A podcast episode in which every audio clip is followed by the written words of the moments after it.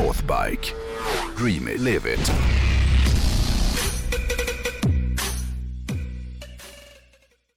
Idag tänkte jag snacka lite om en grej som förmodligen är det hinder som många motorcykeltillverkare och återförsäljare funderar kring, tänker jag.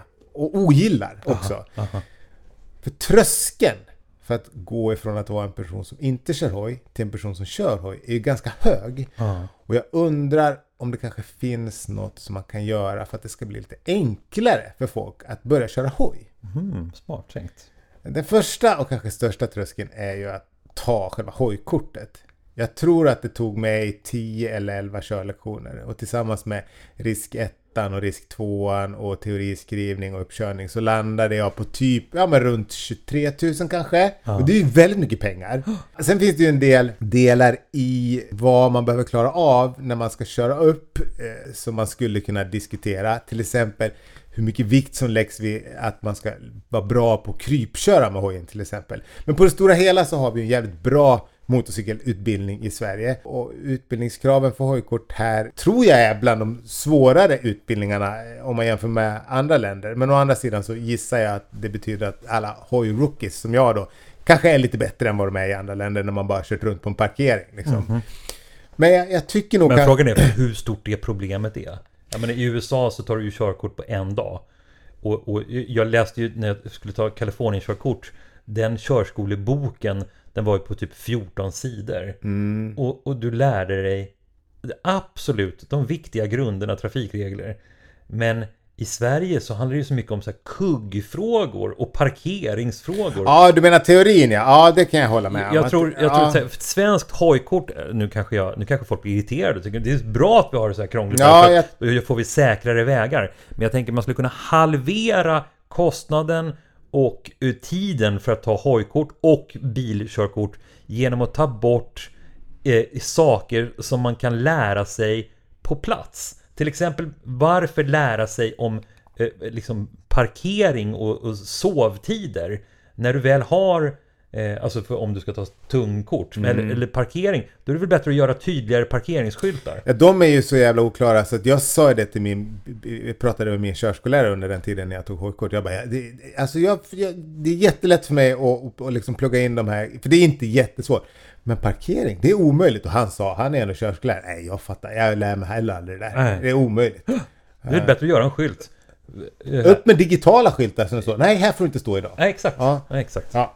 Ja, skitsamma. Ja. Jag tycker nog kanske inte nödvändigtvis att man behöver göra så mycket åt liksom, för själva körningen. För det är bra att, att, att det är svårt och att man blir halvduktig på att köra. Däremot tycker jag att körskolorna borde komma på lite mer kreativa lösningar när det gäller hur eleverna kan finansiera sina körkort.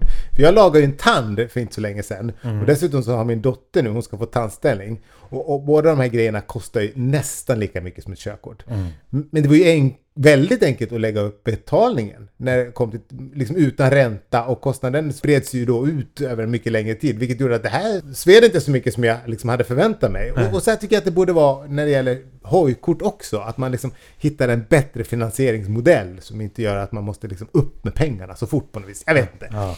Men apropå körskola förresten. Sist jag var ute och körde hoj Ja. så kom jag på en jävligt smart grej. Och eftersom jag vet att Jonas på Northbike lyssnar på, det här, på den här podden så tänkte jag att jag ska dela med mig av den här idén till honom här i podden nu. Ja. Borde inte Northbike anställa en eller två körskollärare? Och ha en del av verksamheten som helt enkelt är en körskola som heter typ Dream It Live It eller någonting.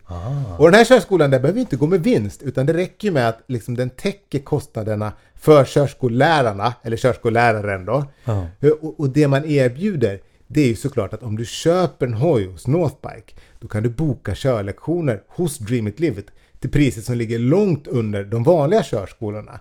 Det här är ingen dum idé. Nej, eller hur? Och de kan göra det här då som sagt på grund av att de liksom inte behöver tjäna pengar på körlektionerna utan... Så tänker du alltid. Varför ska de inte tjäna pengar på det? ju... Jo men det kan de ju också kan göra. Men det viktiga, det viktiga är att alla, liksom om, om du kan ta väldigt billiga körlektioner under förutsättning att du köper hojen hos eh, Northbike så kommer ju alla i hela Sverige välja att köpa, köpa hoj hos dem. Ja, men det är väl bättre att du, att du köper en hoj där du lägger på 20 000 kronor på priset men du lägger upp den på en avbetalning. Så du just köper. Så hojen kan man också göra. och så får du körutbildningen på köpet. Oavsett, Northback borde starta en körskola. Ja. Och det är en briljant idé. Ja. Och nu vet jag att både Jonas och Tom, eh, de är väldigt bra på att räkna och komma på idéer eh, som ska locka kunder till Northback. Så de kanske redan har tänkt på det här räknat på det här och sagt att nej men det här går inte. Men eh, skitsamma, vi går vidare då. Allt är möjligt. Ja.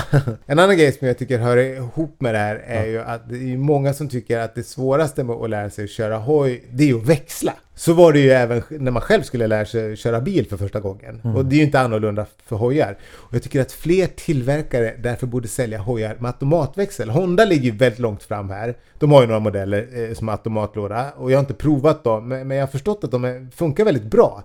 Och det är inte så konstigt eh, för det är inte så avancerat egentligen ju. Nej. Men eh, jag menar ju såklart inte att jag tycker att alla hojar som görs ska ha automat. För att växla är ju en stor del av det som är kul med att köra hoj. Men jag tänker att liksom instegsmodeller lite, på lite mindre kubik skulle kunna ha automat. Och anledningen till att jag tycker det här det är för att teens idag de kör ju mopeder utan växel. Eh, och därför blir ju steget då till lätt MC mycket större än vad det var för den stora gruppen hojåkare som började köra moppe. Eller som började köra hoj när vi var unga. För då hade man ju kört moppe och lärt sig att växla liksom. Men idag så blir det ju så här, åh fan det är svårt det här liksom. Sen tycker jag att det borde finnas fler hojar med mindre kubik. Men nu, förlåt. ja. Eh, På tal om automatväxlade hojar. Det är ju samma sak med bilar. Om du ska ta ett bilkörkort, som min fru ständigt håller på med. Det, är ju- det, är ju- det kommer pågå i tio år till, men, men det har pågått i tio år i alla Ja. fall.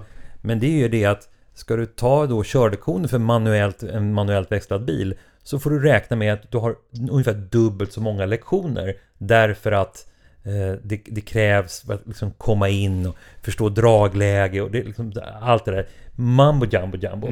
Men om man tar automatkörkort så blir det mycket, mycket billigare. Och sen kan man köpa en automatbil, alltså, du bara har ett automatkort, för det fiffiga det är att då får du körkortet mycket billigare och snabbare och enklare. Men sen när du har körkortet, då kan du köra en manuellt växlad bil då kan du övningsköra med den utan körkortstillstånd. Du säger att då kan du och din eh, tjej eller du och din kille När man väl har vant sig med trafiken och så, då, så att man är, inte då är man hemvan och har, Ja, man har ja, körkort. ja. Man får köra. Då, då, då är det tillåtet att, att övningsköra med eh, manuellt. Och då kan man göra det tills man känner sig van vid det. Och så gör man bara en ny uppkörning och byter in sitt gamla körkort. Just det. Så det är mycket, mycket enklare tillvägagångssätt. Man gör det enkla först. Men frågan är, finns det någon vits med det? Är det inte sista generationens manuellt växlade bilar även i Sverige? Det kanske är så. Eh, Jag tror liksom, när kommer, du kommer ju aldrig köpa en manuellt växlad bil igen.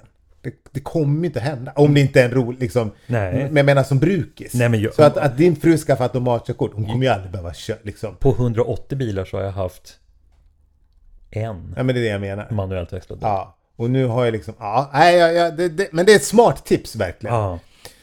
Eh, jo, men det jag skulle säga är att jag, tyck, jag tycker att det borde byggas flera hojar eh, med lite mindre kubik. Och, och när jag, alltså nu finns det ju massa hojar som ligger mellan 400 och 700 kubik. Men det borde finnas mer stilar. Ja. Eh, alltså typ eh, hitta en snygg eh, scrambler runt 400 kubik. Alltså det är så här, ju fler stilar det finns, ju, ju lättare tror jag det är att, locka in den unga publiken. Ja. Eh, för, för det handlar mycket om image när man är, när man är liksom runt 21, 22, 23, 24. En liksom. stil på en typ en lätt motorcykel eller kanske till och med en mopedstil. Mm, Mopedstilar finns ju inte heller så mycket.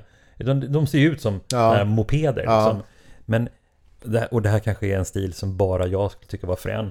Men jag, jag skulle kunna tänka mig att köra en moppe till och från jobbet. Mm. Men tänk dig då om du tar en Kawasaki snuthoj från Mm. 90-talet.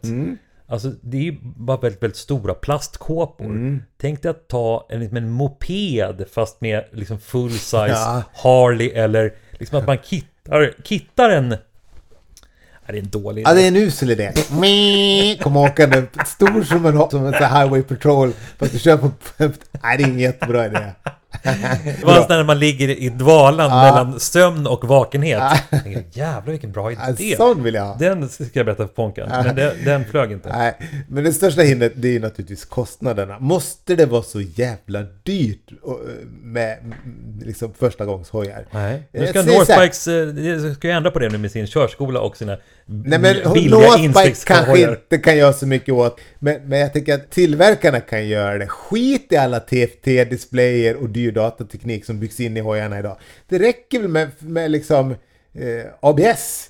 Eh, jag tänker om Royal Enfield kan bygga fina hojar för runt 50 000 så borde väl för fan KTM också kunna göra det. Det är lite så jag tänker. Ja, bra tänkt. Ja, men för några avsnitt sen så snackade jag ju om eh, den här Augusta och Adeline Van Buren. vet Mhm. Just det, Ja, just de här två kvinnliga motorcykelpionjärerna. Magiskt. Ja, eh, och även om eh, saker och ting har blivit bättre eh, sen de gavs ut på vägarna så är det fortfarande så att det mesta av marknadsföringen och produktutvecklingen liksom, utvecklingen gällande motorcyklar riktar sig mot män. Och det är kanske inte så konstigt för det är ju fler män än kvinnor som attraheras av hojar. Eh, och det finns ju många liksom, tjejer som, som vill köra precis den typen av hojar som vi killar vill köra. Men jag tror ändå att det kanske skulle kunna vara värt att tänka på att inom bilindustrin, där tillverkar man bilar som kanske är tänkta att attrahera en kvinnlig publik. Fiat 500 tog ju sig fram av den anledningen till. Ah. Och det kanske är så inom hojsvängen också tänker jag. Ja. Att liksom, jag vet inte. Men en annan sak som, som både tillverkare och återförsäljare måste göra gemensam sak i.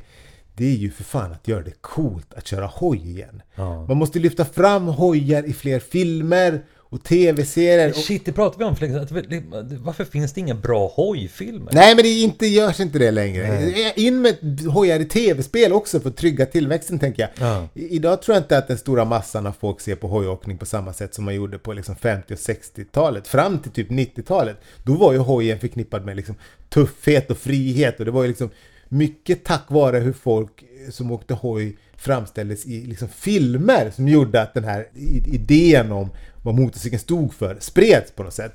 Men idag så ser man ju aldrig någon som kör hoj i en bra film såvida det inte är liksom Batman som flyger fram på något jävla missfoster till hoj som ingen vill ha. Jo, Rönn. Men just nu befinner vi oss ju i en tidsperiod där alla är så jävla rädda för allting. Ungarna ska ha hjälm och varannan jävel dör om de äter gluten och, och liksom det ska vara hängslen och livrem på precis allting. Jag tror att hojen därför skulle kunna vara den perfekta symbolen för att visa till exempel Nej men att man gör lite revolt mot samtidens liksom blöj, exemiga Ja, normer. normen, ja.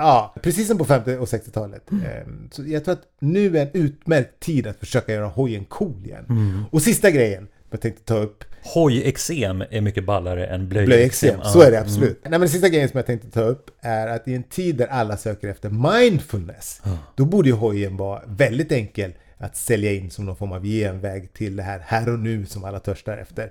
Eh, Jag tror att det finns mycket som branschen skulle kunna göra för att liksom fler ska börja åka hoj igen. Mm.